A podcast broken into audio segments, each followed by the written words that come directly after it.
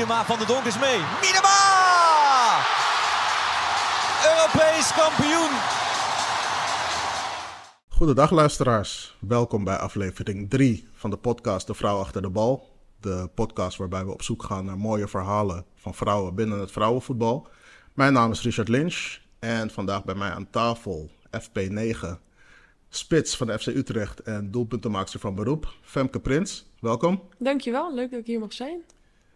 Je bent, uh, wat ik net al zei, doelpuntenmaakster van beroep, spits. Daar gaan we het straks denk ik uh, nog verder over hebben. Um, deze podcast heb ik ingedeeld als een soort van wedstrijd. Uh, met een eerste helft, of met een warming-up. Een eerste helft, een rust, tweede helft en blessuretijd. We gaan zo meteen beginnen met de warming-up. Daarin stel ik je drie vragen waarin je kort antwoord mag of moet geven. en daar kunnen we dan zo meteen nog over doorgaan. En daarna volgende, volgende, volgende vragen. Zoals je er klaar voor bent. Ja, zeker. Wat is de meest gebruikte app op je telefoon? Um, denk toch wel WhatsApp. WhatsApp? Ja. ja. Oké. Okay. Wat eet je het liefst? Um, mijn uh, ontbijtje havermout met melk. Ja, daar zweer je bij. Wat zei je? Daar zweer je bij. Dat ik dat het liefst eet? Ja. Ja, dat denk ik wel. Dat is toch altijd wel even een lekker momentje in de ochtend. Oké, okay, okay. En wat doe je het liefste als je niet met voetbal bezig bent? Um, dan ben ik het liefst met mijn familie en mijn vriendin en vrienden. Oké, okay, duidelijk. Uh, je zei WhatsApp? Ja. Als in veel contact met teamgenoten, vrienden, familie? Uh, nou ja, mijn vriendin woont natuurlijk in uh, Sittard. Dus um, ja, wij appen regelmatig. En dan doen we ook altijd via de WhatsApp dat videobellen. Ja. Dus dat gebruik ik veel. En inderdaad ook met vrienden gewoon even bijkletsen via... Ja. Ja, ja, ja, dat is tegenwoordig natuurlijk het makkelijkste ja, op die manier. zeker. We hebben de warming-up gehad en gaan we naar de eerste helft. We zitten hier in het prachtige stadion van FC Utrecht. Maar daar heb je natuurlijk niet altijd gespeeld. Nee. Hoe is jouw carrière ooit gestart?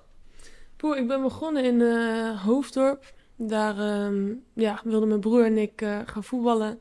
Dus toen hadden we twee clubs in het dorp. En dan ging ik naar de een en hij naar de ander. De ander is Overbos? Overbos, ja. ja. Dus ik ben eerst gestart bij Hoofddorp, gewoon bij de, bij de meisjes. En um, toen eigenlijk daar na gevraagd voor een team bij Overbos. Wat dan met meiden tegen jongens ging spelen. Ja. Dus uh, toen daarheen gegaan en eigenlijk daar langzaam, uh, toen ik 15 werd, dat mocht toen, dat was de leeftijdsgrens. Ja. Toen mocht ik naar vrouw 1 en dat speelde tweede klasse toen. Dus dat was nog niet zo spannend. En um, toen heb ik daar denk ik twee jaar gespeeld. En daarna ben ik naar Terlede gegaan in um, Sassheim. En die speelde toen, het eerste speelde topklasse en het tweede volgens mij eerste klasse. Ja. Dus um, eigenlijk daar met de verwachting heen van, nou, ik uh, zal niet bij het eerste gaan spelen, maar leuk om dan één keer in de week meer trainen, als drie keer in de week trainen. Ja. En um, ja, toen uh, langzaam toch naar het eerste toegewerkt. En vanuit daar de stap gemaakt naar Alkmaar. En daar begon eigenlijk uh, de eredivisie voor mij. Ja, spannend. En leuk. Ja. Um, tot welke leeftijd heb je dan bij de jongens gespeeld? Want je zei net 15, dat was een leeftijdsgrens. Nee, nee 15 was, uh, ging bij vrouwen 1, dus dat was gewoon tegen vrouwen. Wij hebben toen in een uh, meisjesteam tegen jongens gespeeld. Ja, Volgens mij was dat maar twee jaar hoor. Okay. En daarna ging ik al snel naar de vrouwenselectie. Ja, hoe was dat dan bij de vrouwen spelen als ja, jong meisje eigenlijk? Nou, ik vond het eigenlijk altijd wel heel leuk. Ik ben vrij volwassen voor mijn leeftijd, dus ik was er nog wat verder. Ja. En um, ja, ook wel een paar vrienden van mij gingen ook door.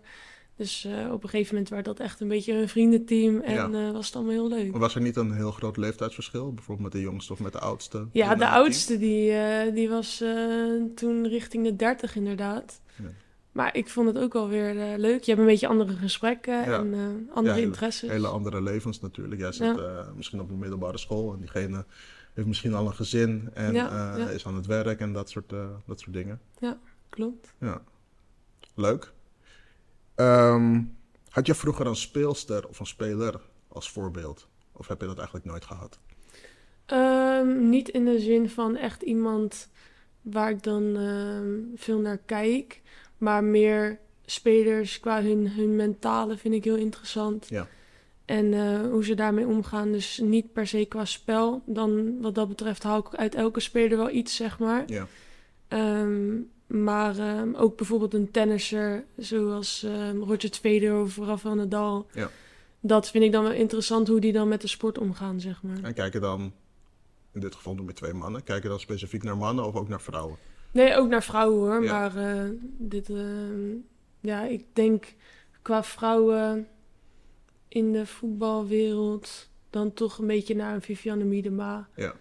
Dus meer de, een beetje speel ze op je eigen positie. Ja, begrijpelijk. Nou, Ja, ik hoorde laatst een voorbeeld van eh Wieke Kapitein, die mocht een keer nummer 14 dragen toen eh Jackie Groene er niet was. oh, En toen ja, werd er gerefereerd aan het nummer 14, Ja. wat natuurlijk bij heel veel mensen staat voor Cruijff. ja, ja. Eh, dus er werd bij haar aangegeven van, ah, je hebt nummer 14, eh, wat eh, doet dat met je? Ja.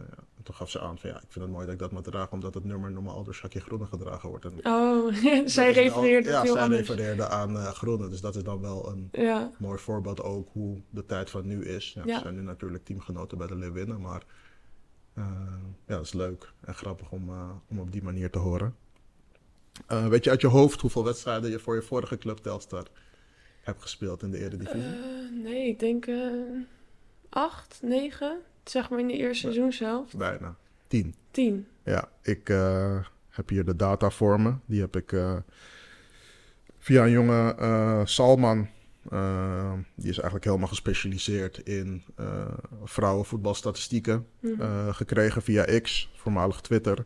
Dus ik vroeg aan hem, kan je me een aantal gegevens over Femke aanleveren? Dus ik wist al wel dat die eerste club Hoofddorp was, maar dat wil ik natuurlijk graag van jou horen. Mhm. Eh, nou, er staat tien wedstrijden op het, eh, op het formulier. Eén goal, drie assists bij Telstar vorig seizoen. Ehm, en wat ik zei, ja, eind maart eh, van dit jaar werd je aangetrokken door FC Utrecht. Wat voor gevoel kreeg jij toen FC Utrecht interesse in je toonde? Ja, ik had toen ehm, de eerste keer dat ik dat hoorde was bij mijn zaakwaarnemer natuurlijk. En die vertelde dat, dat Utrecht, ehm, dat het eigenlijk rond was dat ze überhaupt in de Eredivisie mochten gaan spelen. Ja, En toen zei hij van ehm, dat ze interesse hadden. En toen dacht ik echt van, oh. Want ik had toen die blessure, dus ik was geblesseerd op dat moment. Ja. En ik had eigenlijk niet verwacht dat, dat het zo snel zou gaan of zo. En voor de rest weet je ook nog weinig van Utrecht. Maar het is superleuk. Je denkt in eerste instantie van, wow, ze komen weer de, de Eredivisie in. ja, En ze willen ook nog praten om eh, mij eh, eventueel daarheen te krijgen. Dus dat was wel echt... eh, een soort van trots gevoel. ja, ja, ik was met mijn moeder wel even, even blij inderdaad. dat kan ik begrijpen, ja. ja, zeker. En ehm, ja, 12 september, jongsleden, was het dan eindelijk zover. We zitten hier in de Galgenwaard, zo, zoals ik net al zei. Ja. Eh, toen mochten jullie eh, tegen Feyenoord aantreden voor, eh, ik heb het genoteerd, 14.631 toeschouwers. Ja, ja. Is dat dan een meisjesdroom die uitkomt? Ehm, ja, maar naar de wedstrijd toelevend hebben we, of heb ik dat in ieder geval niet zo aangevlogen om, dat, om het een beetje rustig te houden in mijn eigen hoofd. Ja, dus ehm, eigenlijk pas nu, de weken daarna, ga je erover nadenken en dan zie je dat nog eens terug en die foto's. En dan komt dat realisatiemoment wel. Of ook toen we na de wedstrijd, toen we dat rondje gingen lopen en iedereen gingen bedanken. Ja, Dat was wel echt even eh, kippenvel. Ja. ja begrijp ik natuurlijk. Ja. Overwinning, eh debuut in de Eredivisie, eh, als club zijnde van. Utrecht dan. Ja, eigenlijk allemaal po- positiviteit op die dag. Winst. Winst, ja, ook niet onbelangrijk. We hadden het net over dromen, meisjesdroom.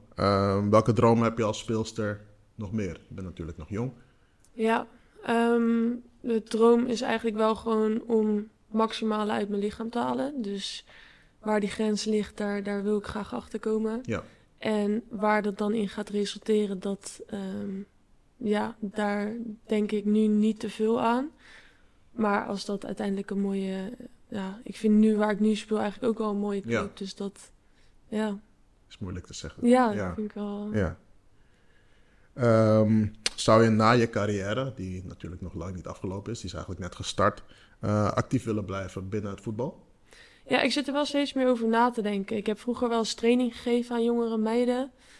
En eh, ik zat eigenlijk van de week toevallig weer eraan te denken van of ik dat leuk zou vinden en in welke vorm dan. Of als trainster of Ja. misschien ehm, buiten het veld als fysio of daarin meiden te helpen. Ja.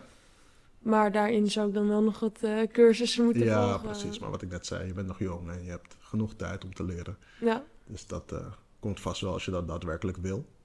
Eh, over leren gesproken. ehm we hadden het even kort via WhatsApp over wat voor studies je nog hebt gedaan. Je gaf aan dat je twee studies afgerond hebt. Mhm. Voor de luisteraars, welke zijn dat? Ehm, ik heb mijn HBO Business Studies afgerond. En daarna heb ik een, ehm, ja, een soort cursus van een jaar bij NHA gevolgd eh, voor sport en voeding. En dat is meer ook eigenlijk voor mezelf om te weten van wat kan je nou doen om maximaal te presteren. Zeg Ja, maar. ja. En wil je nog iets met beide studies doen? ja momenteel. Doe je, ja, doe je er al iets mee? Ja, ik werk nu ehm, als digital marketeer heet het. Dus dan, ehm, ja, het heet tweede kansje. Dus wij kopen zeg maar retourgoederen in en die verkopen we online. Oh ja. Dus dat, ehm, dat is wel een stukje studie wat je daarin weer Ja. meeneemt. Ja, leuk. En hoe vaak naast het voetballen dan eh, doe je dat? Werk je daar? Ja, ik werk nu ehm, vier uurtjes op kantoor. Soms iets vaker, als het ligt een beetje aan de week. En dan ehm 16 uur in totaal qua thuiswerken en hier af en toe. Ja, precies. Oké. Leuk en interessant. Ja, hoort natuurlijk erg. vaak dat ehm speelsters er nog iets naast willen of moeten Mhm. doen. Uh, Ja. Een beetje vanaf bij welke club je speelt. Uh, Mhm. Vorig jaar speelde je natuurlijk bij Telstar. Waar, uh, ja, ik wil niet zeggen de verdiensten niet heel goed waren. Maar ja, dat heeft ook in de Voetbal International gestaan. Sommige mensen gewoon alleen een reiskostenvergoeding kregen. Ja. Ehm, dus het is goed dat je je, denk ik, breed oriënteert. En ook naast het voetbal eh, ja. iets doet. Ja, ik moet zeggen, qua uren hoef ik dat niet per se zoveel uur te draaien. Maar ehm, ja, als je die tijd hebt, dan ja, is het ook leuk om iets Ja. ernaast te blijven Ja. doen. begrijp ik. We hadden het, we hadden het net over Telstar. Ehm, ik heb nog een andere show, of voetbaltalkshow met vrienden. En daar was eh, je oud-teamgenoot eh, Dominique Bruinenberg Oh, ja. de gast. Die speelt nu natuurlijk in Oostenrijk. Ja, Ehm, is het een groot verschil tussen Telstar en Utrecht? Qua, ja, eigenlijk alles. Training, intensiteit. ehm, ja ik denk ehm, qua ehm, een stukje kwaliteit wel. We hebben natuurlijk nu wat speelsters erbij met wel een stuk, ja, met veel ervaring. We hadden toen, daar hadden we Dominique inderdaad. En nu heb je er wel wat meer hier. ja, Dus dat merk je. En ehm, ik denk dat de staf hier eh, ook wel echt groter is, waardoor ja, ze meer met ons kunnen, voor ons kunnen betekenen ook. ja, En qua professionaliteit, ehm, ja, dat wij hier elke ochtend in het stadion mogen omkleden, mogen douchen en eh, ook eh, regelmatig lunch krijgen, dat is wel een vooruitgang. ja, snap ik, snap ik. Ja, En ook weer natuurlijk een groot verschil dan ten opzichte van VV Alkmaar. Ja met, van het VV Alkmaar is het echt een wereld van verschil. Maar dat is nu natuurlijk AZ, dus Ja. zij hebben het nu alweer helemaal omgeturnd. Ja, Maar destijds was het inderdaad, eh, is het hier heel anders. ja, dan, ja. begrijp ik. Ja, het is denk ik alleen maar goed dat het positief vooruit gaat. Ja. eh, naarmate de grootte van de clubs ook groter wordt eh, in dat opzicht. Want zo heb je eigenlijk wel kleine, maar ook grote stapjes gemaakt van VV Alkmaar naar Telstar. En van Telstar nu naar, naar FC Utrecht. Ja. Ja, mooi. Mooi om te horen. Ehm, ik gaf net aan dat ehm, de podcast bestaat uit verschillende delen. Ehm, het is nu rust. Oh, eh, normaal in de rust drink je wat. Dus ja, neem wat te drinken. Hoe vind, hoe vind je het gaan? Vind je het leuk tot nu toe? ja, ik vind het eh, gaat goed toch? Ja, volgens mij ook. Eh, Ja. Ik hoop dat de luisteraars dat ook vinden, maar dat horen Ja, we Dat op een later later. moment. Maar eh, nee, ik vind het leuk. De Eh, tijd vliegt ook een beetje voorbij zo, hè? lekker ongedwongen en in een rustige sfeer lekker kletsen over Ja, vrouwenvoetbal. Vind ik in dat opzicht helemaal prima. Ehm, nou, na de rust begint de tweede helft. mhm. Vaak. Niet altijd, want tegenwoordig Staking, worden ja. ook wedstrijden gestaakt. ja. Gelukkig bij vrouwenvoetbal is dat nog niet nee, voorgekomen. En, is weinig, hè? Laten we dat vooral zo houden. Eh, even terugkijken naar afgelopen maanden. Ehm, het WK in Ja. Nieuw-Zeeland en Australië. Hoe heb je dat beleefd? Ehm, ja, ik vond het wel eigenlijk heel erg leuk. Het ehm, WK zelf was natuurlijk veel wedstrijden waren ook in de nacht. Dus ik heb toen, we waren zelf, ik was met mijn vriendin op vakantie in, in Zwitserland. En toen hebben we één wedstrijd, hebben we helemaal onze telefoon uitgezet. En in de ochtend zijn we dat gaan kijken. Ja. Zonder dat we uitslag wisten. En zij was eerst daar een beetje sceptisch over. En ik zei, nou, we doen het gewoon. We kijken hoe we dat vinden. Dat je dat dan toch niet live kijkt, maar Ja. ook weer wel. Ja. En dat ging eigenlijk heel goed. Dus dat was superleuk. En we hebben toen ook datzelfde een keer gedaan met het team. Toen waren we op trainingskamp. Ja. En toen hebben we eigenlijk precies hetzelfde gedaan. Niemand wist de uitslag. En toen gingen we het kijken met heel het team. En toch voel je dan die spanning. Ja, en dat is het wel- is echt... eh, Het is wel grappig om het op die manier te doen. Ik heb zelf ook de wedstrijden gekeken, ook s'nachts. ja. En eh, ja, mijn vriendin gaf ook aan van ja, het is wel laat en je moet de volgende dag werken, dus kan je niet... Ging ze wel meekijken? Nee, ze ging niet meekijken. Oh. Eh, ze zei van, kan je niet gewoon je telefoon uitdoen of meldingen uit? Dat je Mhm. het in ieder geval niet weet en dat je als je wakker wordt het gaat kijken. Ik zei, ja, dat kan ik niet, maar het is wel goed dat jullie dat wel kunnen of hebben gedaan. Maar ik zou dan toch te nieuwsgierig zijn of automatisch mijn Instagram openen en Ja. dan iets zien. Dus dan zou het alweer verpest zijn. Maar eh, een idee is wel inderdaad je telefoon helemaal uitzetten en dan eh, wakker worden en dan gaan kijken. Dus eh, Ja, misschien dat als er ergens ooit nog een keer een WK in de nacht. in de nacht is dat ik dat... Ja, je moet niet die uitslag weten. Dan is heel nee, de spanning... je, je kijkt dan ook voetbal op een andere manier, denk ik. Als je weet dat er in de 68e minuut gescoord gaat worden, dan, ja, dan zit je toch... eh, dan denk je van, nou, ja. uit deze aanval gaan ze scoren. Dus eh, ja, dat snap ik wel. Had je een eh, favoriet voor de titel op voorhand? ehm, toen Nederland eh, eruit was. Nee, überhaupt. Ja, of überhaupt op voorhand, of Nee, je hoopt toen Nederland dat, dat eruit was. Nederland zo ver mogelijk eh, komt natuurlijk. En op een gegeven moment ehm, waren wij ook wel een beetje... eh, ja, Engeland, Australië. Ja, Ja, het zijn Ja. toch wel een beetje de toppers. ja. Uiteindelijk werd het, werd het Spanje. Ja, Hele controverse om het Spaanse elftal ja. heen. Heb je dat een beetje meegekregen? ja wel. Maar ik moet, zeggen dat ik op een gegeven moment ook een beetje de, de draad niet meer helemaal goed... eh, Nee. nee, Nee, nou, er gebeurde natuurlijk van alles. er gebeurde zoveel op een gegeven En moment. eigenlijk leidde dat, denk ik, een beetje af van het feit dat het best wel knap was dat ze de Ja, wereldtitel hebben gepakt. ja, Eh, en daar ja, was eigenlijk op een gegeven moment ging het over alles behalve die wereldtitel. Dus dat is eh, in dat opzicht wel eh, frappant. Maar ja, ze zijn weer bezig. Ze hebben een nieuwe bondscoach. Ze hebben afspraken gemaakt. Dus hopelijk dat het in de toekomst eh, ja. goed gaat en beter gaat. ook, ja. Ehm, FC Utrecht heeft natuurlijk ook een mannentak. Mhm. En waar we het net over hebben gehad, veel meisjes beginnen of bij de meisjes of gaan later over naar de jongens. Heb jij in je carrière wel eens iets meegemaakt eh, wat je eventueel als vervelend hebt ervaren als het over de vergelijking tussen mannen en vrouwen gaat binnen het voetbal? Ehm, nou ja, meer, het zijn dan meer comments die ik dan online af en toe voorbij zie komen, Ja. wat dan vervelend is. Want ik moet zeggen, in mijn niet, eigen... per, niet per se op jou gericht. Nee, nee, nee, Nee. omdat ook in mijn eigen omgeving, ja, het zijn er alleen maar mensen die het superleuk vinden. Ja, Want daarmee kom ik in contact. ja. Ik kom niet in contact met mensen die het niet leuk vinden. nee, precies, se. precies. Dus dat, eh, Dus ja, in dat opzicht, eh ja, het laatst ging er natuurlijk iets viraal over eh, die vrije trap van Ja, bij, Ajax. Ajax tegen Excelsior. van Romeo. Ja. Ja. ja, als je dan die comments inderdaad ook leest. Ja, je dan, moet dat niet lezen. Nee, nee, dan ja, weet je, heb je natuurlijk heel veel stappen gezet Mhm. in het vrouwenvoetbal de afgelopen tijd, de afgelopen jaren. En ja, dan gebeurt er zoiets, gaat natuurlijk viraal. Ja. Want eigenlijk, ja, als Leugter een normale vrije trap zou scoren, zou het ja, misschien ergens getoond worden, maar zou het niet zo viraal gaan als nu. Ehm, ja, ik vind dat dan best wel jammer en zonde ehm, van de status die het vrouwenvoetbal nu heeft. En Ja. misschien in, in de ogen van sommige mensen ook daardoor krijgt. Want je ziet eigenlijk alleen maar filmpjes voorbij komen eh, waarbij er iets niet goed gaat. Of, Ja.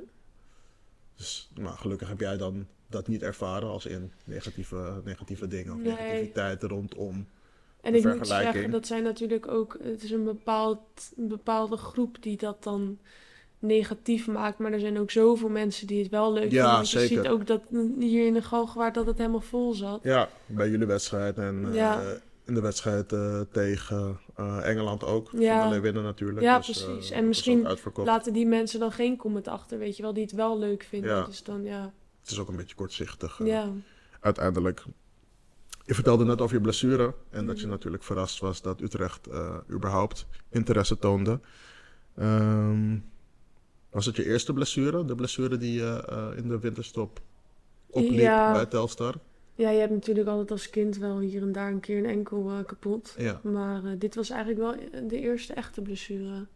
Ja. Want voor de, voor de duidelijkheid, je had je kuitbeen Ja. gebroken. Kuitbeen gebroken. Op een mooie plek over, overigens. Ja. Dus dat eh, hielp mee in de revalidatie. Ja, snap ik. Maar dat was niet, eh, niet En een goed moment. Hoe gebeurde dat? Was, verstapte je of werd je, werd je geschopt? Eh, het was in een oefenwedstrijd in de winterstop tegen Alkmaar. En die bal, eh, iemand geeft een voorzet. En eh, als spits zijnde loop ik daarop af. En het was nog wel, het was in de 16, maar nog niet in de keepers, echt Mhm. bij de keeper. Ja. Dus ik spring en ik heb alleen maar ogen op de bal. En als een soort, ja, eh, met mijn been vooruit. En die keeper komt uit. En ik zie dat niet, omdat ik ben gefocust op die bal. En toen was het gewoon, ja, een klap. Ja. En toen kwam ik met mijn voet tegen haar buik of zo. En dan is het altijd, als je het niet verwacht, ja, vang dan die klap maar eens op. Dus dat was meteen mis eigenlijk. ja. En hoe lang heb je uiteindelijk eh, over je revalidatie gedaan? Ik denk eh, drie maanden. Maar ja, om dan weer zeg maar wedstrijdfit eh, te worden, is natuurlijk wel weer anders in de Eredivisie dan als Ja. je gewoon moet gaan lopen. Ja. Dus dat ehm, ja, duurt dan nog wel weer een tijdje. En Ja. dan is het daarna eigenlijk alweer bijna einde seizoen. Ja, dat gaat dat was dan, eh, net, gaat dan even snel helaas. ja, helaas wel. Nu geen last meer van? Nee, helemaal niks. Oké. Ik tape het wel nog, maar Ja. dat is ja, eigenlijk niet eens nodig, denk ik. Meer uit eh, voorzorg? Ja, of- ik weet eigenlijk ook niet waarom. Nee. Mentaal. Ja, precies. Nou, als, het, als het voor jou werkt, eh, vooral blijven doen. Ja. Ehm, er is steeds meer aandacht voor eh, vrouwenvoetbal in het algemeen. Dit seizoen zijn er live wedstrijden op zaterdag en op zondag, waar het eerst alleen op zondag was. Hoe denk jij dat er nog meer aandacht voor het vrouwenvoetbal kan komen? Ik denk dat het gewoon heel goed is dat clubs zelf, zoals Utrecht ook doet, ehm, dat stukje marketing, ehm, tickets aan scholen eventueel gratis weggeven voor de kinderen. En dat die ouders dan wel een kaartje moeten kopen. Of Ja. daarin een beetje kijken van hoe kan je dat aantrekkelijk maken. Zodat meer mensen een keer in een stadion zijn geweest om het te bekijken. En dan zelf een mening daarover kunnen vormen. En dat je zo langzamerhand, ehm, ja, en wij natuurlijk op het veld het niveau steeds hoger tillen. Ja. Waardoor het ook leuker wordt om naar te kijken. Ja, precies. Duidelijk. Ehm, nou, je hebt het net over dat alles professioneler is nu bij Mhm. Utrecht. Eh, überhaupt wordt alles professioneler rondom de vrouwen, ook begeleiding. Ehm, hoe is het om daarin begeleiding te hebben van ehm, ja, je team bij Prime 11, in dit geval eh, mijn oud teamgenoot eh, Ja. van Telstar, Andy Slory. Ehm, ja, ik moet zeggen, met ehm Andy heb ik wel veel app-contact steeds, zeg maar. Dus ehm, toen ik mijn been dan, eh, of mijn kuitbeen had gebroken, dan krijg je meteen eh, een pakketje met fruit Ja. en dingen. En dan Ja. is, heb je even veel meer contact. En gedurende het seizoen iets minder. En dan weer, dat gaat een beetje op en neer qua Ja. periodes. Ja. Maar het is zeker fijn om iemand zoals Andy erbij bij te hebben. Ja. Als het nodig is. Of als je even wil sparren ergens over. Of Ja. gaat wat minder. Of Ja. juist goed. Ja, niet alleen bij negatieve, Nee, nee. Ook juist af en toe bij de even positieve gewoon... dingen ja, stilstaan. Ja. Zeker, ja. Ja. Leuk, leuk om te horen. En eh, wat ik zei, leuk dat hij, eh, ja, hij is mijn nou, niet oud teamgenoot geweest. Ik heb bij- met hem bij Telstar gespeeld. Maar leuk dat hij eh, sowieso nog actief is in het voetbal en dan deze rol eh, Ja. oppakt om eh, spelers en speelsters eh, te, te begeleiden daarin. Zeker. Eh, we naderen alweer het eh, einde van de tweede helft. Dus eh, in dat opzicht heb je dan vaak blessuretijd of extra tijd. Ik heb nog drie vragen voor jou, net als aan het begin, waar je snel antwoord op mag geven. Wie is de beste speelster met wie je hebt gespeeld, zonder anderen tekort te doen? Ashley Bakker. Ashley Bakker, met wie je nu Ja. speelt bij FC Utrecht.